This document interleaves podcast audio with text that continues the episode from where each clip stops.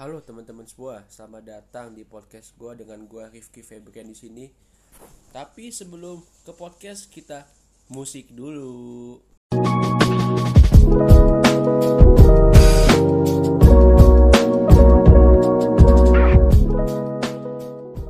Halo teman-teman semua, hari ini uh, kedatangan tamu yang sangat spesial nih.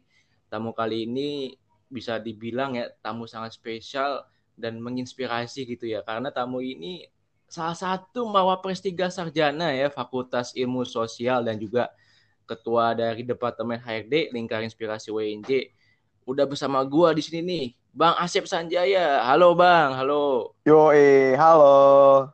What's up bro? Oh, oke mantap. Gimana Bang? Sehat Bang? Alhamdulillah sehat sehat Kayaknya tadi lu abis dari luar ya? Tahu aja lu, iyalah. Pandemi-pandemi gini masih ada kerjaan di luar kita. Itu lu keluar ngapain dah? Biasa tadi ke kampus, ada yang diurus gitu. Banyak oh, berubah bro kampus. Kemarin gue liat. Hmm. Oh emang iya? Iya, sepi banget sekarang. Ya iya sih wajar PSBB juga kan. Iya juga sih. Terus kemarin gue liat lu nongol bang di opening PKKMB. Oh, aduh, itu. Kita nyambi kerjaan kita. Kalau nggak ada oh iya kuliah, hmm. megang mic. Kalau nggak megang mic, megang obeng hmm. ya kan. Apa aja kita pegang tuh pokoknya. Hmm. Iya iya. Itu itu samping lu itu anak mana bang yang cewek itu? Gokil ya. duta WNJ ya? Yoi, duta WNJ. Anak VIP itu. Oh. Oh Nafi, oh cakep bang. Makanya gue merinding. nggak nggak cara cara cara. gue juga ngeliat ya, Duta Fish juga cakep tuh bang. Yang mana itu? Ada, nih gue nggak sebutin nama ya, pokoknya hmm. ada Duta Fish. Itu anak Ilkom bang, anak 2019 apa ya? Gue tahu namanya, cuma nggak gue sebutin. Oke, terus terus. Iya pokoknya gue liat wah cakep banget gitu ya Duta Fish ya. Duta Fish itu emang udah lama ya bang ya? Udah dari zaman kita belum ada kayaknya. Enggak enggak enggak. Baru berapa tahun sih? Oh itu Fish doang yang ada duta dari fakultas. Nah setahu gue yang punya duta itu cuma Fish sama FIK. Dulu FE punya, cuma udah kagak ada katanya. Oh iya sih, gue juga apa namanya dengar-dengar juga gitu. Nah ini langsung aja bang ya ke sesi pertanyaan sama sesi curhat juga. Aduh curhat dong. Iya, siap iya. siap. Jadi lu ini kan uh, masuk UNJ kan ya sekarang ya. Nah itu lu lewat jalur apa sih bang? Program, dan milih program studi apa gitu bisa diceritain gak sih? Oke, gue masuk UNJ itu dulu jalur undangan kalau kata orang dulu mah ya. Jalur SNMPTN seleksi nasional oh, iya, masuk iya. PTN ya kan. Pakai nilai rapot gitu bentuknya.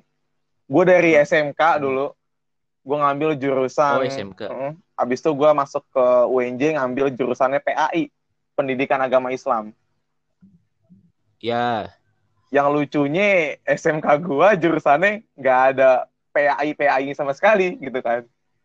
Sempat jadi pertanyaan juga di sekolah gitu. Kenapa? Iya. Milihnya PAI gitu kan ya singkat cerita hmm. keterima lah gue di PAI uh, eh, walaupun gue dulu SMK-nya jurusan ini RPL rekayasa perangkat lunak. Iya. Yeah. Oh, oh iya. Itu pilihan pertama apa kedua tuh PAI? Wah, gokil. Ini dilema banget nih kalau gue boleh cerita. Jadi dulu itu gue naruh PAI sempat di pilihan ketiga. Gue pengen banget masuk HI kan, hubungan internasional gitu. Gue demen ngelihat orang-orang yang speak up, pakai bahasa asing gitu kan ngebawa nama Indonesia jadi delegasi gitu-gitu. Gue naruh hubungan hmm, internasional tadinya di atas. Habis itu ilmu komunikasi baru PAI cuma namanya hati hmm. suka nggak tenang gitu ki. Jadi gue tiga hari itu dilema tuh. Kok nggak tenang gitu akhirnya gue ubah ilkom gue taruh eh ilmu komunikasi gue taruh atas. Udahnya masih nggak tenang. Yeah. akhirnya gue taruh PAI di atas. Tak ya kan? Mm udah tuh tenang aja kan? Gue aduh pertanda nih gitu kan. Jadi gue naruh PAI itu di urutan satu hmm. waktu itu. Eh alhamdulillah kepilihnya di PAI. Oh.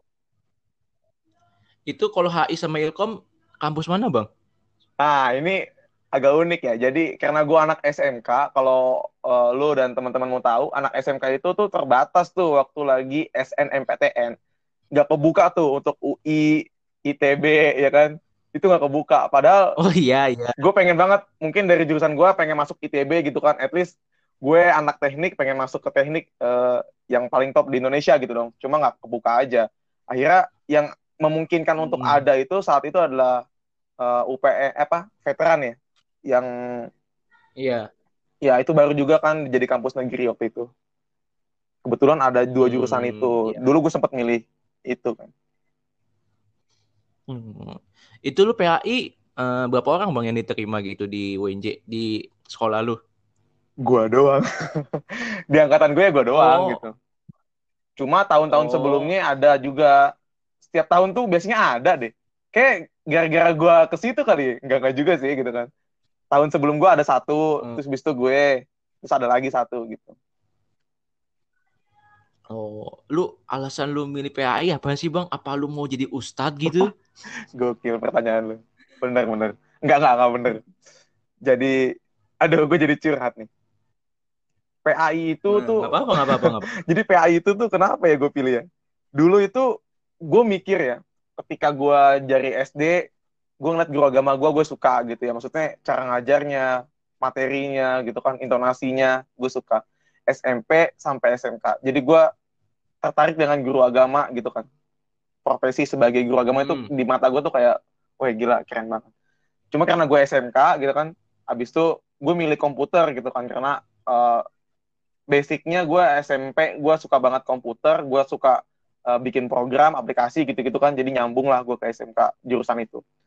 Nah di SMK itu gue nemuin kalau hmm. apa yang gue lihat dari kecil, guru-guru PAI gue gitu kan, guru-guru agama pada umumnya, ustadz-ustadz yang ada di lingkungan kita dan sebagainya, biasanya mereka itu kurang pemahaman atau kurang update sama hal-hal yang berhubungan dengan teknologi gitu kan. Lu pernah lihat nggak ustadz kampung hmm. ngajar pakai tablet? Kayaknya jarang gitu ya atau guru-guru agama hmm. yang di sekolah masang proyektornya gemeteran kayak gitu tuh agak-agak miris gue sebenarnya padahal zaman teknologi makin canggih agama rentan banget buat ditinggalin nah gue pengen gimana caranya dengan gue punya basic keilmuan uh, eh, IT atau teknologi itu tetap bisa nih untuk akhirnya ngembangin oh. uh, yeah. si agama itu sendiri jadi ya gue anak IT gue bangga dengan itu dan gue bawa kebanggaan gue untuk ngembangin uh, eh, PAI gitu Oh, gitu. Yoi. Ya. Iya sih kayaknya kalau gue lihat itu guru PA itu buka jarang banget ya ditemuin ya. Kebanyakan tuh kayak guru-guru apa ya guru-guru umum gitu loh bang kayak bahasa Inggris, matematika kayak PAI gitu jarang ya. Iya betul. Apalagi bahasa Arab tuh. Iya iya iya. Jarang banget. Eh tapi gue ngeliat tracknya luar biasa loh. Jadi waktu gue maba ya, PAI itu mungkin nggak nggak begitu gimana gimana gitu ya di pandangan masyarakat uh, luas ya. Cuma pas di tahun 2018 yeah. kalau gue nggak salah, jurusan gue nih, ini boleh sedikit sombong nih. Jurusan gue itu masuk 10 hmm. jurusan terketat nasional. Gue kaget. PAI UNJ masuk apa jurusan terketat 10 jurusan terketat tingkat nasional gitu. Gile gue bilang. Jadi ternyata Karena ya minat orang ya. itu uh -uh, minat orang untuk menjadi guru agama ternyata banyak juga gitu kan. Hmm, ya, ya, ya. Nah ini reaksi lu ketika lu keterima WNJ gimana bang? Wah, Pasti senang dong. Terus selanjutnya apa lagi tuh? Gua waktu SMK itu nggak mikir kuliah sebenarnya Ki. Jadi di bayangan gua kalau gua nggak kuliah ya gua kerja karena gua anak SMK pas gue dicantakan pengumuman kan ngeliat website gitu ya hmm. SNMPTN kan diumuminnya sebelum UN ya jadi gue setelah UN itu udah udah pas UN-nya gue udah yeah, ngasal yeah. udah bodo amat gitu kan sebenarnya jadi pas diumumin tek wah hmm. hijau tulisannya nih. Pas gue scroll ke bawah tek tek tek tek eh lulus gitu kan. Wah gue seneng banget tuh ya. Selebrasi gitulah ya kan. Kayak apa namanya sujud syukur gitu gitu kan kayak. Hmm. Eh serius sih serius sih gitu gitu kan. Terus gue sama gue tuh berdua tuh di kamar gitu kan. Habis itu kayak peluk pelukan kayak gitu. Agak-agak dramatis sih soalnya di keluarga gue belum pernah ada yang kuliah gitu kan. Jadi gue yang pertama. Mm -mm. Habis peluk-pelukan makan-makan ya bang ya. Bisa aja loh. Oh iya iya. Nah itu mahasiswa mahasiswi program studi lu gimana sih bang? Ada nggak sih kunikan gitu? Apa pakai peci, bawa Al-Quran gitu, terus sholawatan Mahasiswa di prodi gitu? ya. Wah ini unik banget nih. Jadi bayangan orang kan kalau PAI itu uh, bener-bener rigid ya masalah agama gitu ya. Gue nggak menampik itu. Itu ya itu bener lah karena kita diarahkan hmm. untuk itu. Cuma dalam pembawaannya ini unik-unik nih karena nggak semua anak-anak PAI itu lulusan pesantren boy. Jadi banyak yang model-model kayak gue yang tersesat di hmm. jalan yang benar. Maksudnya pindah jurusan gitu ya kan. Kan gue korban tersesat, tersesat di jalan yang benar nih ceritanya.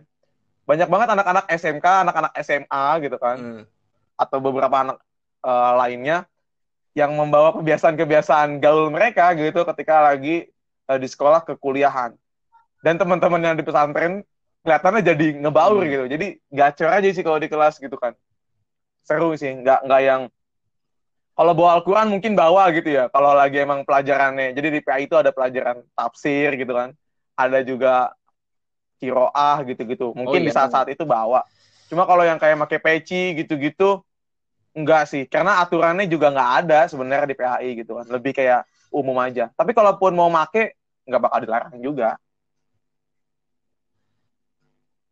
Uh, iya iya iya. Gimana tuh? Kemarin nih ya gue cerita sedikit ya, Bang. Kemarin waktu gue apa tuh yang acara yang seminar dari lu itu apa namanya itu yang minta itu yang kerja sama sama Kementerian Luar Negeri ya?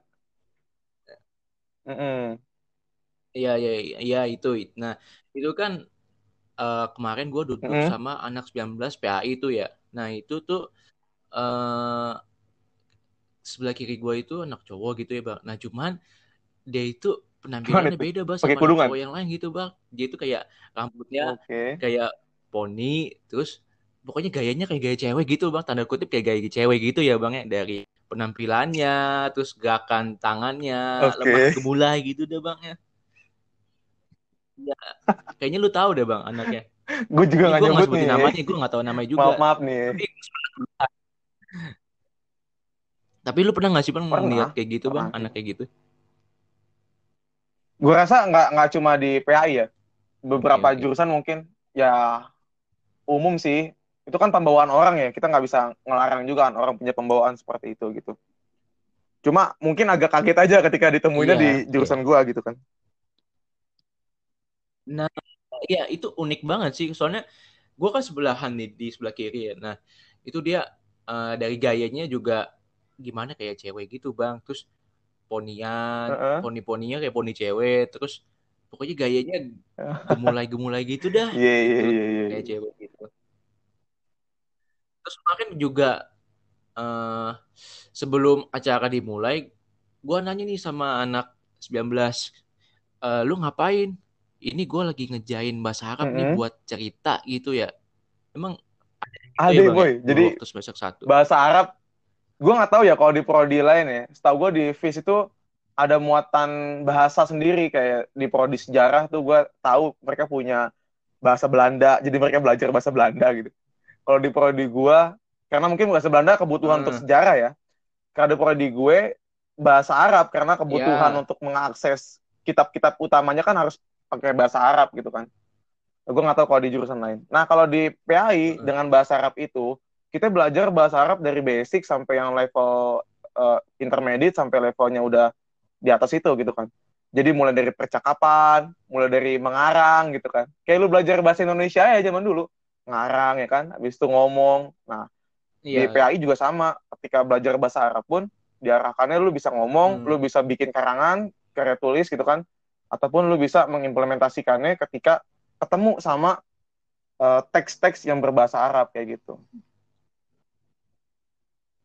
Oh, oh. By the way nih bang, oh, gue jurusan bang loh bang. Yo iya. Iya iya iya iya. Iya nakman gue. Jadi jadi gue eh, ngerti yang tadi gue jelasin tuh yang anak ini ngapain itu. Oh dia lagi cerita gitu, tapi dalam bentuk bahasa Arab gitu. Jadi ya pokoknya cerita gitu buat hmm, nanti iya, iya, iya, dia iya, gitu. Iya. Biasanya orang kadang nggak nggak nggak tahu Kemarin tuh ya kan. Juga... Ini anak PAI nulis nulis nulis doa apa nih? Iya, iya Kalau yang kagak tahu kan, disangkanya apa gitu yang ditulis. Padahal mah cerita saya hari ini pergi dengan kereta kayak gitu. Coba pakai bahasa Arab aja kan. Eh, eh. Kemarin gue juga nonton gitu di TikTok gitu ya. Nah itu ada ustadz lagi ceramah ke santri Hmm. santri wasatiwati gitu. Terus ustadz ini nunjuk ke salah satu apa namanya siswanya gitu. Dia nanya gini, Heeh. Huwa kan artinya dia kan emang ya. Nah, Huwa itu tuh isim apa fi'i apa isim apa bang? Gue lupa dah. Satu lagi isim sama apa tuh ya? Kata kerja sama kata benda tuh lupa dah. Lupa nih. Isim, iya bener. Heeh. Ya, nah kan isim tuh ya isim, isim sama isim. Nah terus tanya lagi eh apa ya namanya? Heeh. Oh dalilnya apa gitu ya? Disebutin. Terus yang lagi apa gitu kayaknya lengkap banget gitu bang. Jadi dari Huwa itu oh ada dalilnya, itu terus Oh ada iya iya dalilnya tahu lagi gue tahu. gitu. Itu kayak yang lagi eh, di tes ini kan kayak Hmm. apa namanya tuh eh fiil apa habis itu eh, nanti tingkatan-tingkatannya gitu-gitu kan. Jadi satu kalimat itu diulik gitu kan sama si ustadznya. Dalam waktu yang singkat gitu kan dia jawab ya. Iya nggak sih kayak gitu kan? Iya Iya. iya iya. Fahim tuh gitu ya bang ya. Oke lanjut lagi ya bang. Nah ini eh, kita ngebahas topik inti Wadidaw. gitu ya bang. Topik yang sangat inti gitu ya. Nah itu eh, eh, kan lu ini kan Mawapres 3 Sarjana Fakultas. Ilmu Sosial kan ya bang ya. Nah, nah sebenarnya Mawapres itu apa sih bang? Soalnya yang gua tahu ya bang, yang gua awal masih maba ya, Mawapres itu tuh kalau misalkan eh, mahasiswa nih ada prestasi gitu ya. Nah terus dilihat sama dosen nih, wah di berarti ini mahasiswa ini tuh dianggap Mawapres gitu tuh. Gua dulu kayak gitu pikirannya, tapi kayak gitu Sebenarnya nggak sih nggak bang nggak sebenarnya? nggak salah juga ya. Ben- ah, ada bener juga gitu. Cuma mungkin ada hal-hal yang tambahan-tambahan aja. Gue eh, tadi lu eh, bilangnya gue mau Mm-mm. pres 3 sarjana Fakultas Ilmu Sosial kan. Nah, sebenarnya kalau di UNJ itu mau pres itu Iya. ada yang tingkatnya fakultas, ada yang tingkatnya universitas gitu, Ki. Nah, kalau di eh, fakultas sendiri Eh, yang bakal dikirim ke univ itu adalah yang juara satu dan juara dua gitu kan. Sedangkan nanti mereka semua bakal bertanding tuh kan Iya. di tingkat univ, di tingkat univ bawa nama fakultasnya masing-masing lah gitu. Nah kalau gua eh mm. eh, kemarin dijadiinnya mau pres 3 sarjana universitas gitu kan. Kalau lu tanya tadi eh, mau pres itu sebenarnya apa gitu kan. Oh. Dari namanya kita udah tahu gitu ya. Mau itu kan eh, singkatan dari mahasiswa berprestasi. Cuma yang unik di sini, yang gue baru banget tahu adalah ketika gue gabung di Mawapres itu, bahwa yang disebut prestasi itu ternyata ada banyak gitu loh. Orang disebut berprestasi nggak cuma serta merta mereka punya prestasi akademik kayak lu pulang bawa piala uh, debate, lu pulang bawa piala habis apa namanya karya tulis dan sebagainya, cerdas cermat. Ternyata nggak cuma itu. Gue baru tahu kalau yang namanya organisasi disebut prestasi. Lu baru tahu nggak? baru tahu kan? Jadi organisasi itu prestasi, boy. Terus. Pengalaman-pengalaman lu sebagai ketua Hmm. pelaksana atau pengalaman-pengalaman lu sebagai uh, founder, lu menemukan sesuatu, menggagas sesuatu, itu pun disebut sebagai organisasi. Jadi yang gue suka dari makna apa namanya prestasi itu tuh kayak luas banget boy. Jadi hal-hal apa yang bisa mengakses kemampuan dan potensi lu itu disebut sebagai prestasi. Ketika lu bisa mengakses itu lebih, itu disebut sebagai prestasi. Walaupun bentuknya bukan akademik ya, bukan cuma sebatas nilai, tapi dari segi manfaatnya itu makanya gokil banget sih. Bedanya adalah dari penjelasan lu tadi yang lu bilang dia berprestasi nah nah nah nah nah, nah, nah, gitu kan. Ternyata sebenarnya adalah prestasi itu dimaknai itu luas Hmm. banget ya gitu.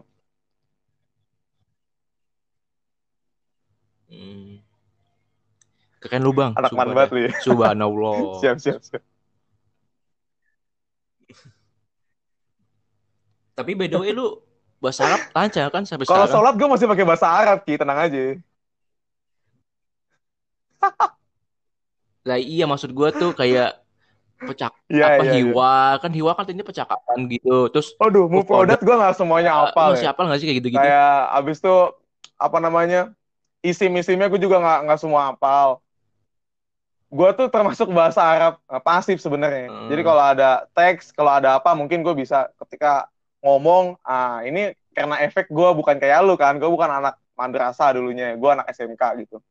Jadi butuh lebih mengakses lagi untuk bahasa Arabnya kayak gitu. Hmm, iya. Iya yeah, betul. Faala, faala, faalu. Wah, gue gitu. belajar gituan dulu ribet banget. Gue kan dulu belajar bahasa pemrograman kan. Tetahunya di kampus gue Iya. belajar bahasa Arab tuh. Beda banget gitu kan. Hmm. Nah, gitulah ceritanya.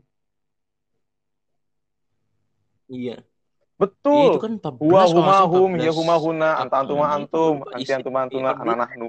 Setiap setiap satu kata ganti orang itu tuh udah bisa, wah banyak banget tuh kata-kata yang terbentuk. Gua puyeng banget dah.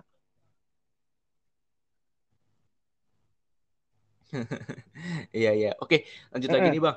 Tadi Iya. lu udah ngebahas tentang mawapres itu apa sih? Eh, Nah, nah selanjutnya itu Oke. syarat-syaratnya jadi mawapres itu apa sih, Bang? Jadi eh boleh tahu. ketika lu punya niat atau ketika lu udah punya gambaran, oh bang, gue pengen jadi mawapres nih misalkan gitu kan. Oh, eh gue kebayang nih gue pengen jadi seorang masa berprestasi mewakili fakultas gue atau universitas gue.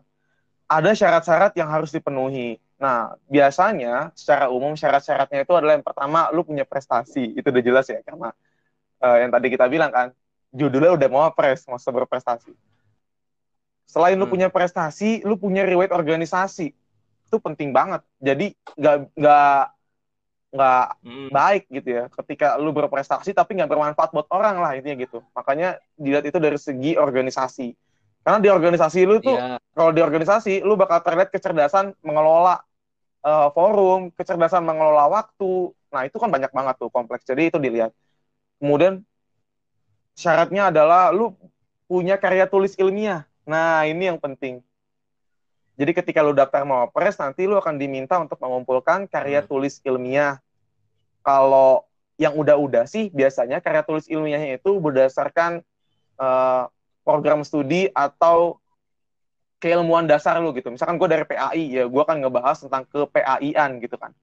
Di samping gue bidangnya itu, yang kedua, eh, Iya. gue akan lebih mudah untuk nge-deliver pesan-pesan yang terkandung dalam KTI gue karena itu bidang gue gitu kan. Jadi KTI itu perlu. Yang selanjutnya selain tadi yang pertama Iya. prestasi, yang kedua KTI, yang ketiga Iya, adalah kemampuan berbahasa. Nah ini unik ya karena dalam kontestasi Mawapres itu kemampuan bahasa ini benar-benar diuji. Kalau di tingkat universitas ada tes sejenis tes Hmm. TOEFL gitu ya untuk menentukan skor bahasa asing lo. Cuma bahasa asing yang digunakan adalah Hmm. bahasa Inggris gitu. Jadi lu bahasa Arab nggak nggak bisa nggak apa-apa lah gitu kan. Bahasa Inggris. Nah kemudian selain dites di TOEFL, lu bakal dites secara lisan ketika lu ada di panggung. Jadi dikasih sebuah mosi, permasalahannya muncul, lu baca masalahnya, dua menit lu mikir, selebihnya lu ngomong pakai bahasa Inggris gitu kan. Masalahnya pakai bahasa Inggris, lu mikir pakai bahasa Inggris, lu sampein Hmm. ke audiens pakai bahasa Inggris. Maka bahasa Inggris tuh penting banget buat eh, syarat sebagai seorang mawapres. Dan yang terakhir Hmm. adalah attitude. Nah, jadi nggak lengkap rasanya kalau orang itu udah secara packagingnya udah keren nih, udah cerdas ya kan, udah pintar berbahasa, komunikatif gitu kan.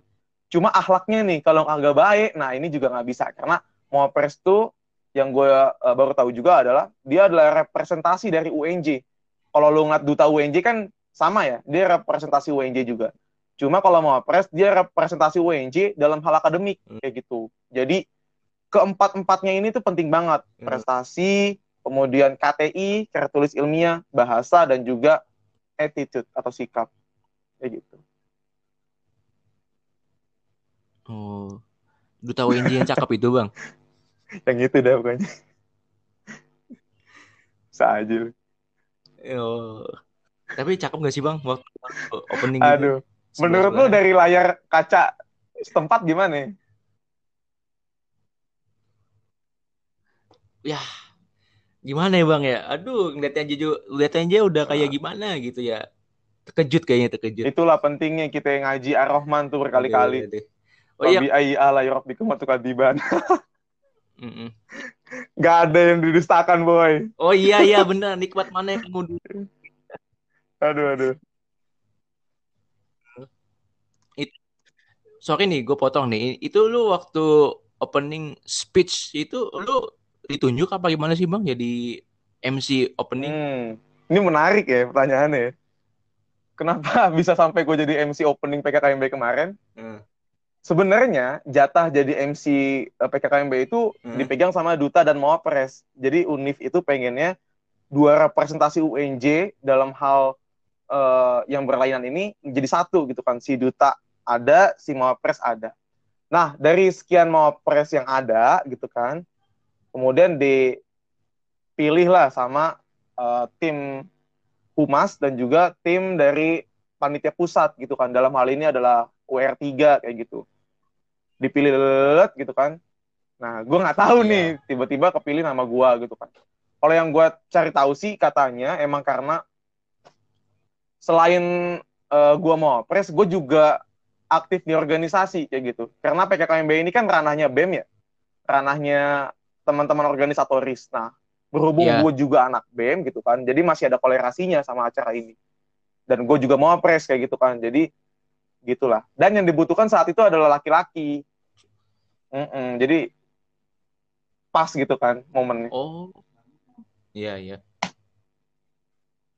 Hmm, iya iya iya. Ya.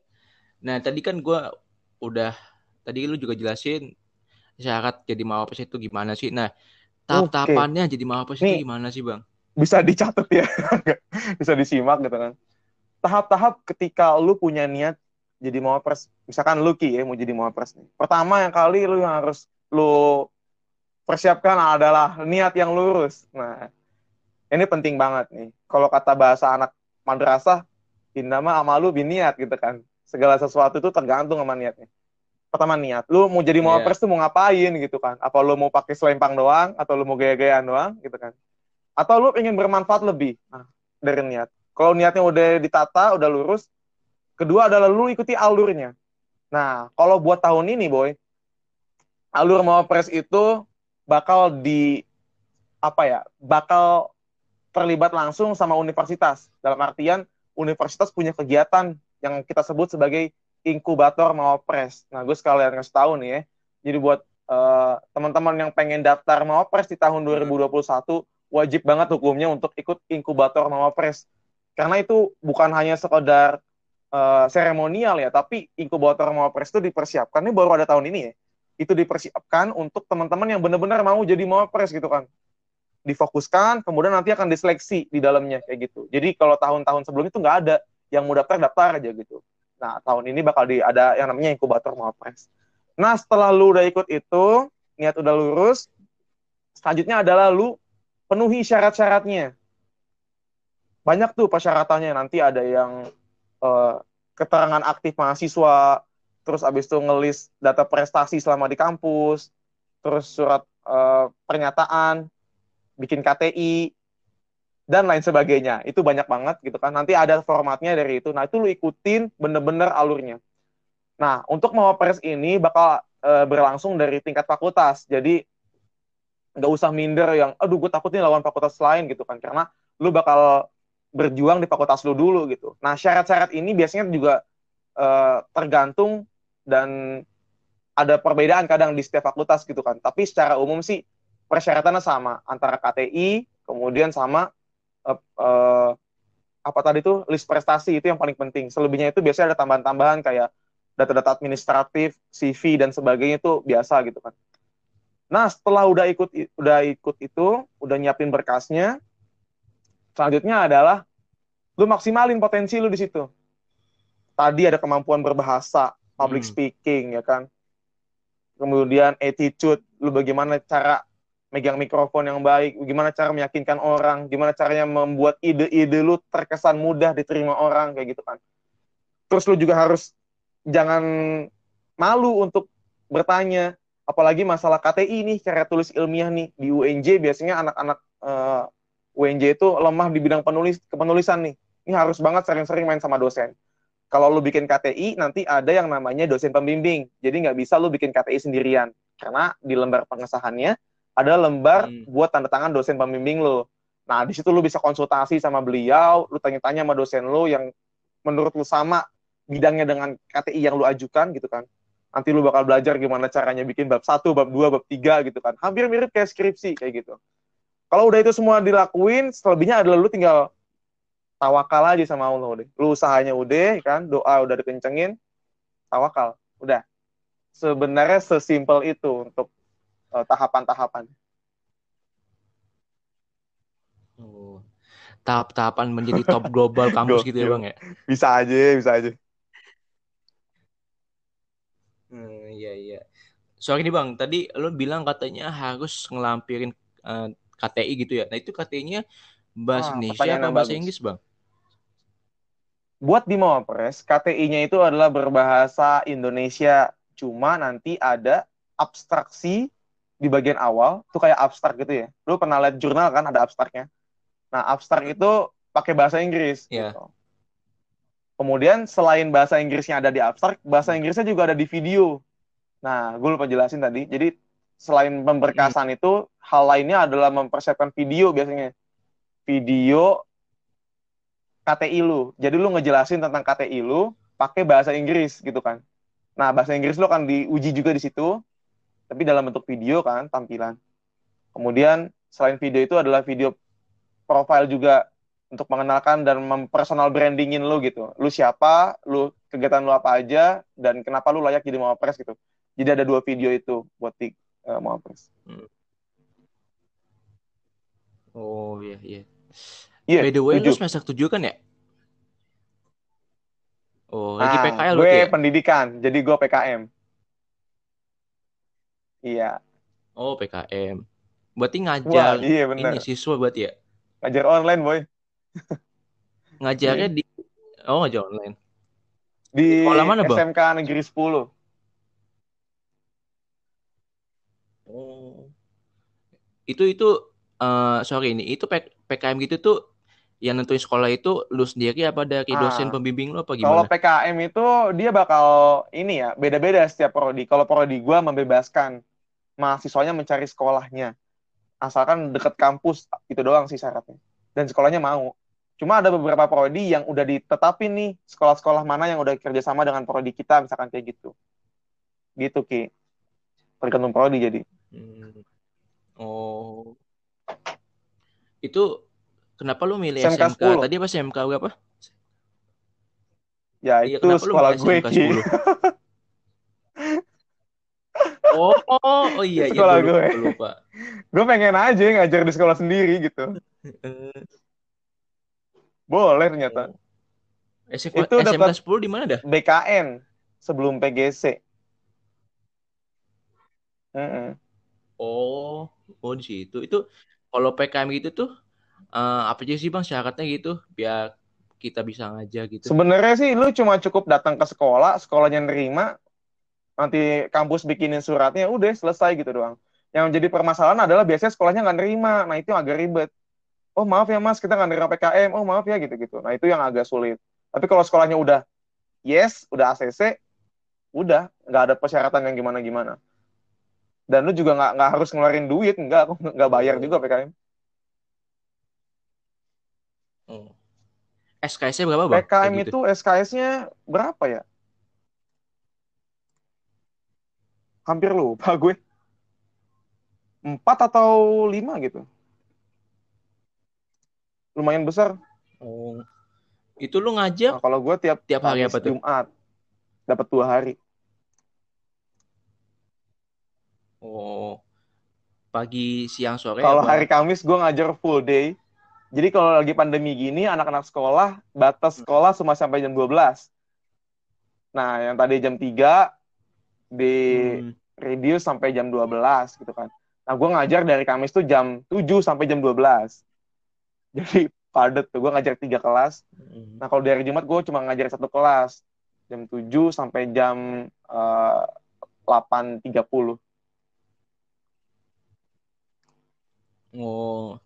Gimana bang? Siswa-siswanya pada bandel-bandel dibilang bandel sih enggak gitu ya. Gue kayak ngeliat gue zaman dulu aja gitu Makanya kalau teman-teman yang jadi guru banyak-banyak istighfar dari sekarang deh gitu. Biar ketika ngelihat siswa agak agak agak kaget gitu. Kayak ngeliat ih emang gue dulu begitu ya? Kayak gitu gitu kan.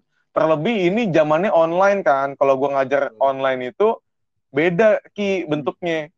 Anak-anaknya pada AFK lah ya kan. Ada yang ada yang izin AFK. inilah toilet lah segala macam wah ribet. Terlebih gue ngajar agama. Wah itu tuntutannya besar banget ya kan gue ngajar sesuatu untuk uh, yang berhubungan dengan akhirat dan akhlak mereka dalam kondisi yang tidak bisa bertatap muka ah kayak gitu sorry nih AFK-nya itu maksudnya apa gimana nih bang pingnya gede apa gimana gaming kali ya jadi dia away from keyboard gitu nih kita lagi meeting nih pakai Google Meet atau Zoom meeting. Tet, nama dia ada, foto dia ada. Kita panggil-panggil. Agak disalut sama dia. Gitu. Hmm. Oh. Yang, pen ya. yang penting jangan di-report ya bang ya. Aduh. Kayak ML di-report ya. Blokir sekalian nih. iya. Kalau semester 7 gitu masih ada mata kuliah Kalau di prodi gue gitu? tinggal skripsi Ki. Tapi beberapa prodi ada yang masih ada matkul sih di semester 8 oh. ya. Oh, berarti uh, berarti ada hari yang ngajar, berarti yeah. ada iya. hari yang ke kampus gitu ya? Mm -hmm, kayak Kalau gitu. misalnya nggak off nggak online gitu. Bener. Yeah. Nah, terus gue mau nanya lagi nih, ini uh, gimana sih caranya jadi juara Waduh. di Mawapres gitu? Balik ke Mawapres ya? gimana caranya jadi juara hmm. ya lu menang udah itu doang gitu nah gue gua nggak nggak nggak nggak begitu paham sebenarnya sama bentuk penilaian ya karena itu urusannya panitia dan dewan jurinya tapi secara umum lu menjadi juara di Mawapres itu kategorinya tadi gue bilang itu keempat empatnya itu harus ada whole package yang empat itu tuh bener-bener kena di lu gitu KTI lu bener penulisannya, sistematikanya hmm. dan logis gitu kan. Idenya juga bagus. Terus lu cara penyampaiannya juga bagus, bahasa Inggris lu bagus. Kemudian prestasi lu banyak dan mendukung sama tingkah laku dan attitude lu bagus. Karena di Mawapres itu nanti ada yang namanya karantina Ki. Karantina Mawapres itu di, di, oh. di guest house UNJ ya, kayak kita nginep gitu di sana dan bakal dilihat tuh keseharian kita selama ini gimana gitu kan dan ada psikolog yang nilai jadi keempat empatnya itu tuh emang benar-benar berkesinambungan gitu untuk menjadi juara misalkan lu bagus di tiga tapi lu anjlok di bagian attitude ya nggak bisa juga gitu karena harus empat empatnya gitu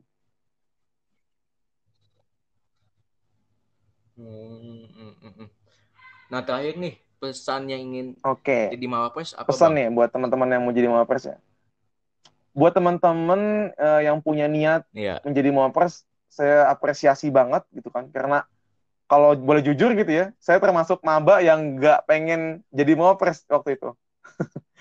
Jadi telat lah telat mengimpikan gitu kan. Biasanya ada orang yang dari awal kuliah pengen banget jadi mawapres. Kalau saya jujur waktu jadi maba nggak pengen sama sekali jadi mawapres. Kayak ngelihatnya itu kayak udah aduh ini ribet pasti males gitu kan. Gua bukan gua banget dah kayak gitu. Buat teman-teman yang ada perasaan kayak gue yang tadi gue sebutin itu jangan berkecil hati. Karena waktunya masih ada gitu kan. Masih banyak kesempatan untuk uh, bisa berubah. Buat lu lu yang pengen jadi uh, mau pres gitu ya hmm. saran gue adalah lurusin niatnya gitu. Karena jadi seorang mau pres itu bukan sebuah titel yang gampang gitu ya. Lu bakal dilihat banget sama orang apalagi di kelas gitu kan. Lu bakal dicap pinter banget dah di semua matkul. Jujur gitu. Kayak lu orang pandai banget. Padahal enggak gitu kan. Misalkan gue uh, bidang gue di kelas gue bisanya yang gue uh, mata kuliah gitu ya, yang gue bisa tuh misalkan gue bidang-bidang pendidikan gitu kan tapi kalau udah masuk ke dalam bahasan tafsir bahasan bahasa hmm. Arab hmm. bahasan uh, hadis gitu-gitu itu gue lemah sebenarnya di situ cuma orang tuh nganggapnya kayak Wah, lu kan muafres gitu. Padahal di muafres kita nggak belajar hadis ya kan. Kita nggak belajar tentang tafsir gitu. Nah itu. Jadi lu harus kuat niat lu dan tujuan lu. Hmm. Kemudian mentalnya harus mental baja gitu kan. Okay. Karena nggak gampang banget. lu bakal dihadapin sama persiapan dan perjuangan yang mepet banget nanti itu. Jadi dalam satu bulan itu bener-bener di push bikin KTI, bikin video, pelatihan-pelatihan dan sebagainya sampai akhir nanti grand final tuh bener-bener menguras pikiran, tenaga, dan mungkin uh, dompet gitu kan. Itu benar-benar harus dipersiapkan. Dan selanjutnya adalah persiapkan uh, prestasi dari sekarang gitu kan. Baik organisasi sebagai prestasi, teman-teman mengisi di acara-acara ataupun prestasi yang secara akademik itu penting banget. Kalau punya prestasi internasional itu poin plus banget. Hmm. Gue ngasih tahu aja gitu ya. Jadi kalau lu punya prestasi internasional, misalkan lu jadi pembicara uh, di internasional forum atau menjadi di, apa namanya pembicara atau presenter di internasional agenda gitu kan, itu poin plus banget sih buat di Mawapres. Dan yang gue pengen sampaikan lagi buat uh, teman-teman yang mau jadi Mawapres adalah gue cuma mau bilang kalau misalkan mahasiswa berprestasi itu bukan sekedar apa ya, bukan sekedar prestasi dan juga kebanggaan diri belaka, tapi menjadi mahasiswa berprestasi itu adalah ketika kita bisa memanfaatkan prestasi yang kita punya untuk kebermanfaatan bagi sesama kayak gitu. Itu aja sih Ki kalau dari gue. Oke. Dengerin guys yang mau jadi mawapres, dengerin nih Bang Asep Sanjaya sudah pengalaman oh, cuy. hmm. Oke bang. Nih gue pengen ngebahas topik Widih. yang Apa lagi viral boleh, boleh, kemarin nih bang. Kayak seru nih ya ngebahasnya. Kemarin tuh kan hmm. kita sempet viral gitu ya bang. Ospek PKKMB okay. di kita nggak sebutin nama kampusnya ya. Mm -hmm. Itu kan di daerah Jawa Timur gitu ya. Itu kan viral gara-gara uh, ada apa ya istilahnya ya bentak-bentakan oh, gitu. Oh, nah itu gue tahu itu. Itu viral banget, sumpah. Kocak. Iya iya iya. Hmm. Pendapat gue ya. Pendapat lu gimana bang? Sebagai mahasiswa yang sudah okay. senior gitulah istilahnya. Gue sebagai mahasiswa, aduh enggak enggak. enggak. Gue sebagai mahasiswa secara umum ya, ataupun gue sebagai anak bem gitu ya kan, ngelihat uh, yang kayak gitu sebenarnya agak miris sih Ki gitu kan. Karena gue pribadi tergolong orang yang berusaha melakukan pendisiplinan atau kalau dalam bahasa kita kita anak pendidikan kan sebuah apa ya pengajaran gitu ya kepada orang lain sesuai dengan zaman dan juga kondisi setempat gitu. Misal anak-anak milenial, gue tuh waktu dulu jadi hmm. anak bem ya, misalkan gue kan kebetulan dulu ketua PKKMB fakultas ya. Nah gue tuh sempat nganalisis gitu, tipikal hmm. uh, maba-maba yang bakal masuk FIS itu bakal kayak gimana gitu kan dan cara-cara atau treatment apa yang kita pakai untuk mendeliver pesan-pesan baik kita ke mereka gitu kan. Setelah kita tahu bahwasanya anak-anak di uh, rentang usia 2000 ke atas itu tuh emang beda banget dengan yang uh, 90-an ke bawah gitu kan. Cara-caranya itu harus lebih humanis, harus lebih uh, logis gitu kan. Karena mereka akan sangat kritis dan sebagainya. Harusnya teman-teman BEM yang ada di sana itu punya cara hmm. uh, serupa gitu kan. Mereka analisis dulu. Terutama yang paling lucu adalah analisis lingkungannya mungkin uh, dan kondisinya kurang gitu ya. Lingkungan dan kondisi itu harus dianalisis juga. Apalagi ini kan kondisinya pandemi. Coba lu bayangin deh, dia ngomel-ngomel misalkan tapi secara online gitu.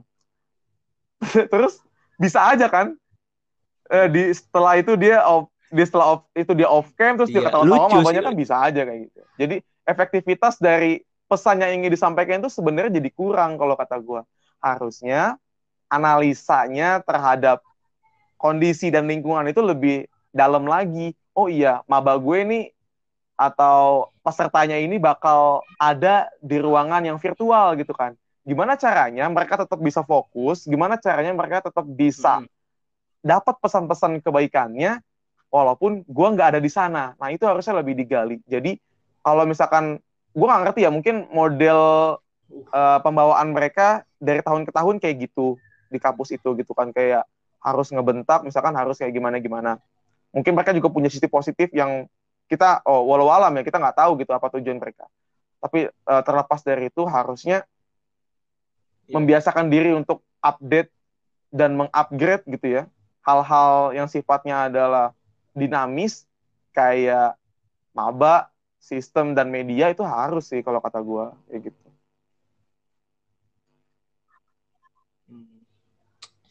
Sebelum penutupan, gue mau nanya nih, uh, katanya FIS itu ada S1 Iya, betul. geografi bang ya, angkatan baru ya?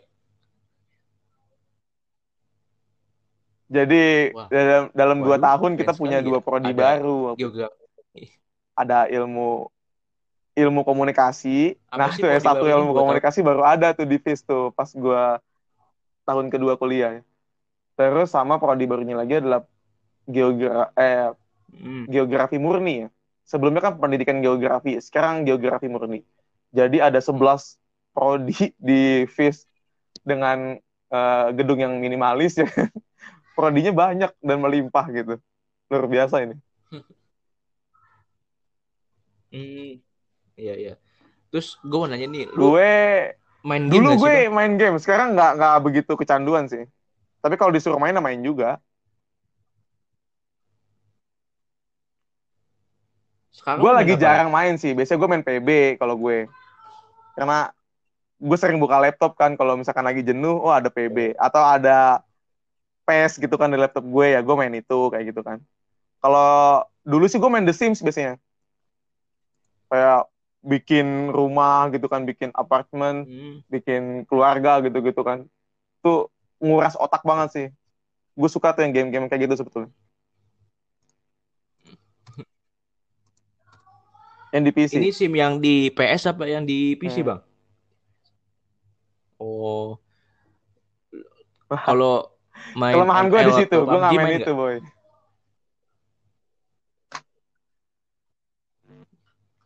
Hmm. Iya iya iya. Terus Musik suka. suka musik gak? Ah, selera gue mungkin beda sama orang-orang ya. Kalau Waduh. Boleh tahu lagu yang lu suka eh, hari ini apa?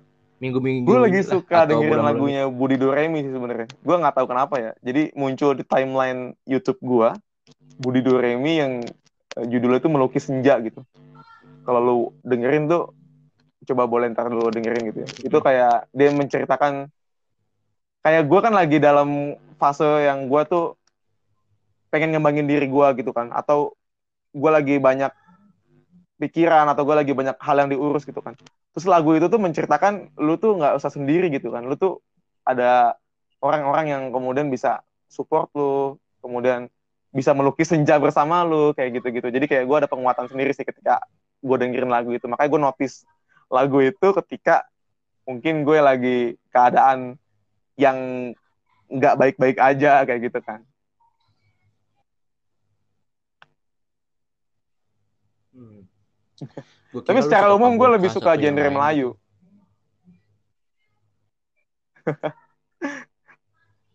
Hmm. Oh iya nanti, nanti gua mau Serius. ngirimin rekomendasi Oke, lagu oke, Melayu lucu.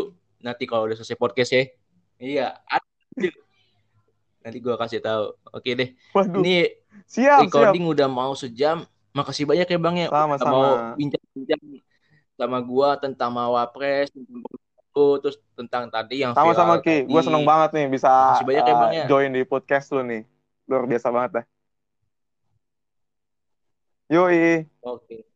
Oke,